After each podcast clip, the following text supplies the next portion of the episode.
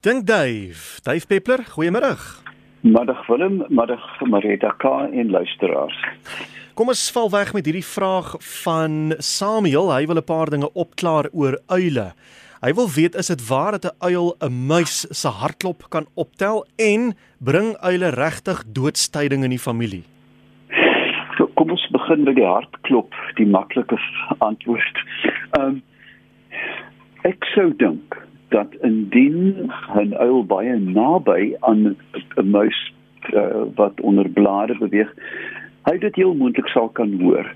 Ehm um, uile se hore gehoor is onbeskryflik fyn. Ehm um, die vere is ook aangepas dat dit byna geen geruis in die wind maak nie en dit beteken of in die lug altens nie dat hulle omgewing die geritsel in in blare kan hoor. Nou ja, 'n groot genoeg muis vir dalk verlief is. Ehm um, kan dalk sy hart kan so klop. D dit is nie onmoontlik nie.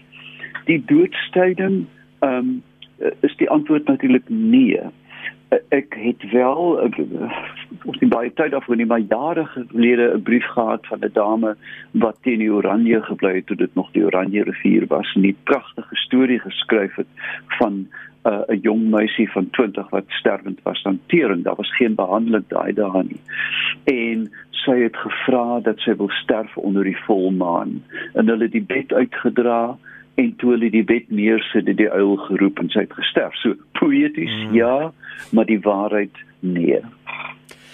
Ons beweeg na hierdie vraag van Eben in Parow. Ek gaan hom 'n klein bietjie aanpas Eben. Ek hoop jy gee om nie, maar ek dink dit is maar net sodat uh, meer mense kan baat vind by die antwoord. Uh parastoele. Hoe weet jy wat om te eet en wat om nie te eet nie? Wat's giftig en wat nie? Wel, hoe langer jy oplees soos Gary Player en hoe meer jy saam met mense loop wat weet mense loop wat weet wat hulle doen sal jy uh, met die tyd leer. Dit sal fataal wees vir enige amateur om veld toe te gaan 'n eenvoudige mandjie vol sampioene te pluk. My ouma het dit altyd duiwelsbrood genoem. Um uh, en en pragtig campernulli natuurlik afgelei van champignon. Ek vermoed dat die uh, ons uh, Franse afstammelinge het die, die wonderlike woord geskep campernulli. 'n um, algemene riglyn is moet sover as moontlik nie probeer om sampioene te versamel wat wit is nie. Ek hmm. weet dat ons die wit sampioene in die supermark koop, maar baie van die wit sampioene in die veld is van die um, is is is dodelik giftig, dodelik.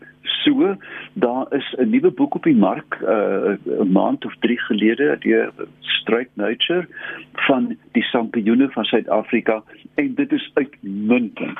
So, kry die boek, en voor jy dan begin pluk stap saam met iemand wat weet um en dan kan jy die die die die oorvloedige gawe uit die veld begin geniet. Ek uh, kan onthou ook destyds toe ek deel was van die um Boy Scouts, die padvinders is die Afrikaans blykbaar. Het hulle vir ons gesê dis net iets wat jy heeltemal moet vermy. Jy moet soveel kennis hê daaroor dat jy dit maar net liefs heeltemal moet vermy, moenie eers daarin dink om hom te pluk en hom gaar te maak nie. As jy nie presies weet wat jy doen nie, hmm. vergeet van die ou storie van die silwer lepel wat swart word, jy sal um jy weet met 'n blink lepel nog altyd doodgaan.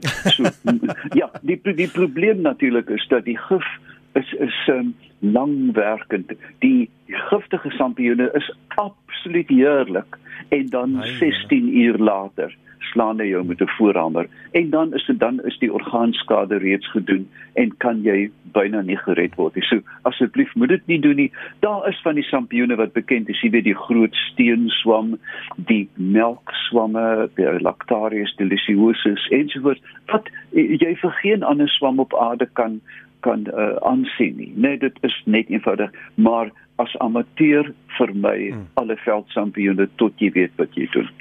Hier's 'n vraag van Anna af en sy wil weet hoekom staan vlak varke so op hulle voorknie as hulle eet? Wel, so nader aan die koste kan kom my kind. Um, kyk, vlak varke is natuurlik hulle grou en snuffel. Nou kyk, 'n vark se snoet is aangepas om byna soos 'n ploegskaar um die grond te breek. Hulle soek na wortels, uh, hulle soek na um klein spriete, sampioene, insekte want hulle is netlik om die vore. Jy weet 'n vark sal aas eet as daar ding doodgaan, gaan die vlakvark um 'n hap van daai vlotgoed vat. Um maar as dit dan kom by wat die Engelse noem rooting, jy weet werk met die neus en met die die die, die fyn kleintjie plantjies afbyt, dan is dit baie makliker byna soos 'n kameelperd wat sy bene moet moet wyd oopmaak hmm. om te kan drink. Is hierdie 'n gemak en ja, hulle hulle loop so aan op daai stompies, jy weet vir ure aan ja, ja. So hulle is aangepas om dit te doen. Daar is byvoorbeeld in Borneo 'n vark, die baardvark. Nou, die vark se neus is langer as die Indian Cup van Cruella de Vil se motor. Um, en hierdie vark se neus is aangepas om tussen die manglietwortels, jy weet die mangrove wortels in te pas. Hmm. So hulle is verstommende diere. Ek is baie lief vir varke, veral in die oond. Um, jong so jong vlakvark jy moet jy moet tog nie 'n ou vlakvark probeer eet nie maar dit daagla so dit is als net om uh, om energie te spaar ah. en om meer optimaal te kan voed Betsy Botha in Palaborwa van tyd tot tyd kry ons so 'n vraag uh, jy het so 'n paar maande gelede dit vir ons beantwoord maar ek gooi hom maar weer in uh, hoe kry mens vlermuise uit jou dak Ja, de, uh, kyk, de, dit word lente, né? Dit het nou begin reën daar bo by julle.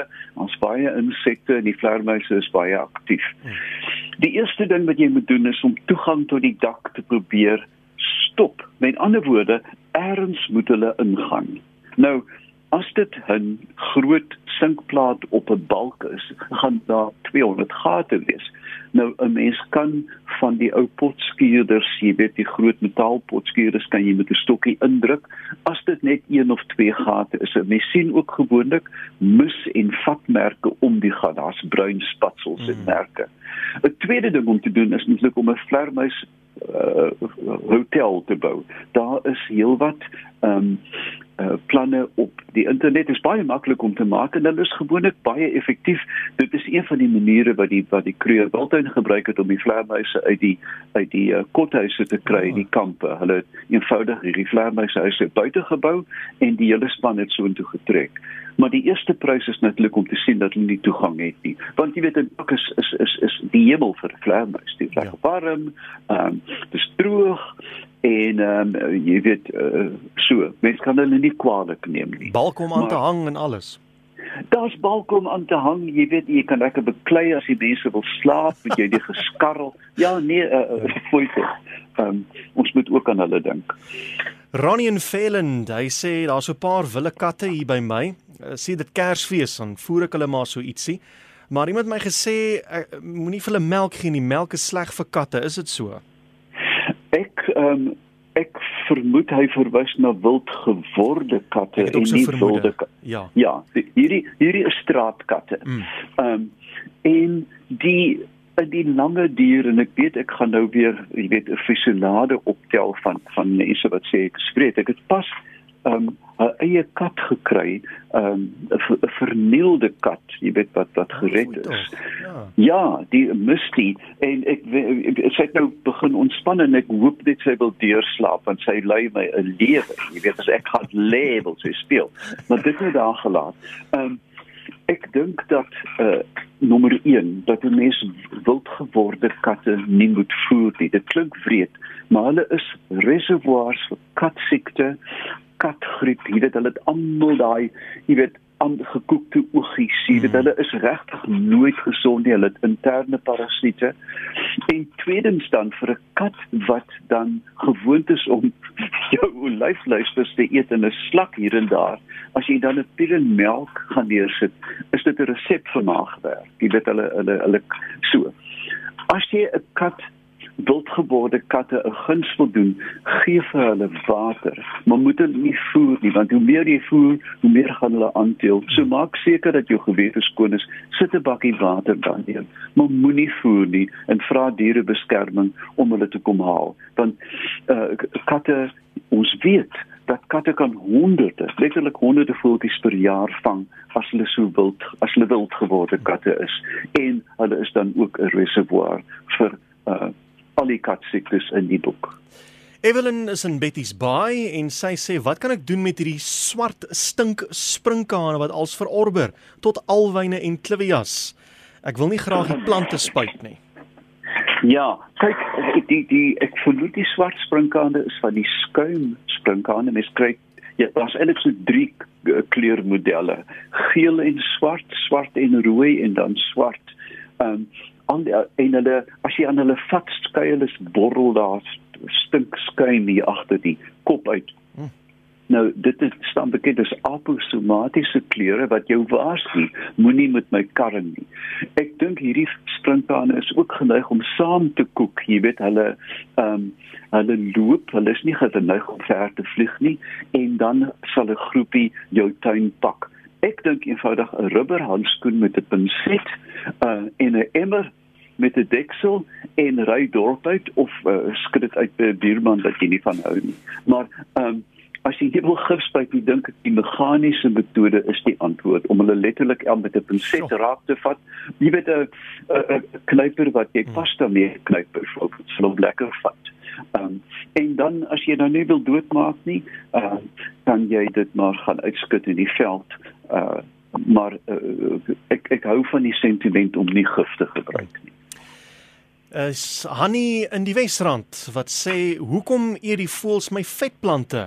Hulle eet die woestynrosie dat daar niks van hom oor is nie. Dieselfde ding by my in my nuwerige tuin en ek kan byna waarborg dat die vreters duwe is, hoofsaaklik duwe. Nou in die diereryk is daar 'n hele klomp buitengewone kosse wat diere eet, soos klei byvoorbeeld en ook vetplante. Klei eet olifante en kanaries. Um omdat as hulle dan uh vrugte eet wat gegis het en hulle kry soos ons in die Kaap sê 'n mag dan kan jy die klei eet om dit te buffer. Ek vermoed ek vermoed die die my vreterhuis in die winter so dis nie dat hulle die die vetplante eet vir die water nie maar dat daar wel 'n hou. Ek sien dus vir al die vygies en ook bulbinella bulbine hierdie um, plante wat in elk geval verbrand word wonde en velirritasies gebruik. So daar is moontlike ongesteldheid of 'n bykomsvoeding wat daarin voorkom en ek dink 'n mens moet eenvoudig net meer plant want die uh, jy weet om nou te probeer jou tuin skerm teen drie duwe wat wat vetplante eet gaan nie werk nie. Nou daar moet ons die streep trek. Duif, hoe kan die mense kontak maak met jou?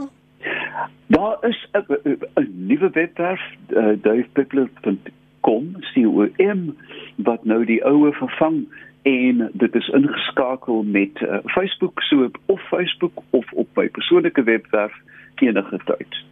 Baie dankie. Dis uh, Dave Peppler. Ons maak volgende week dan weer so. Tot dan.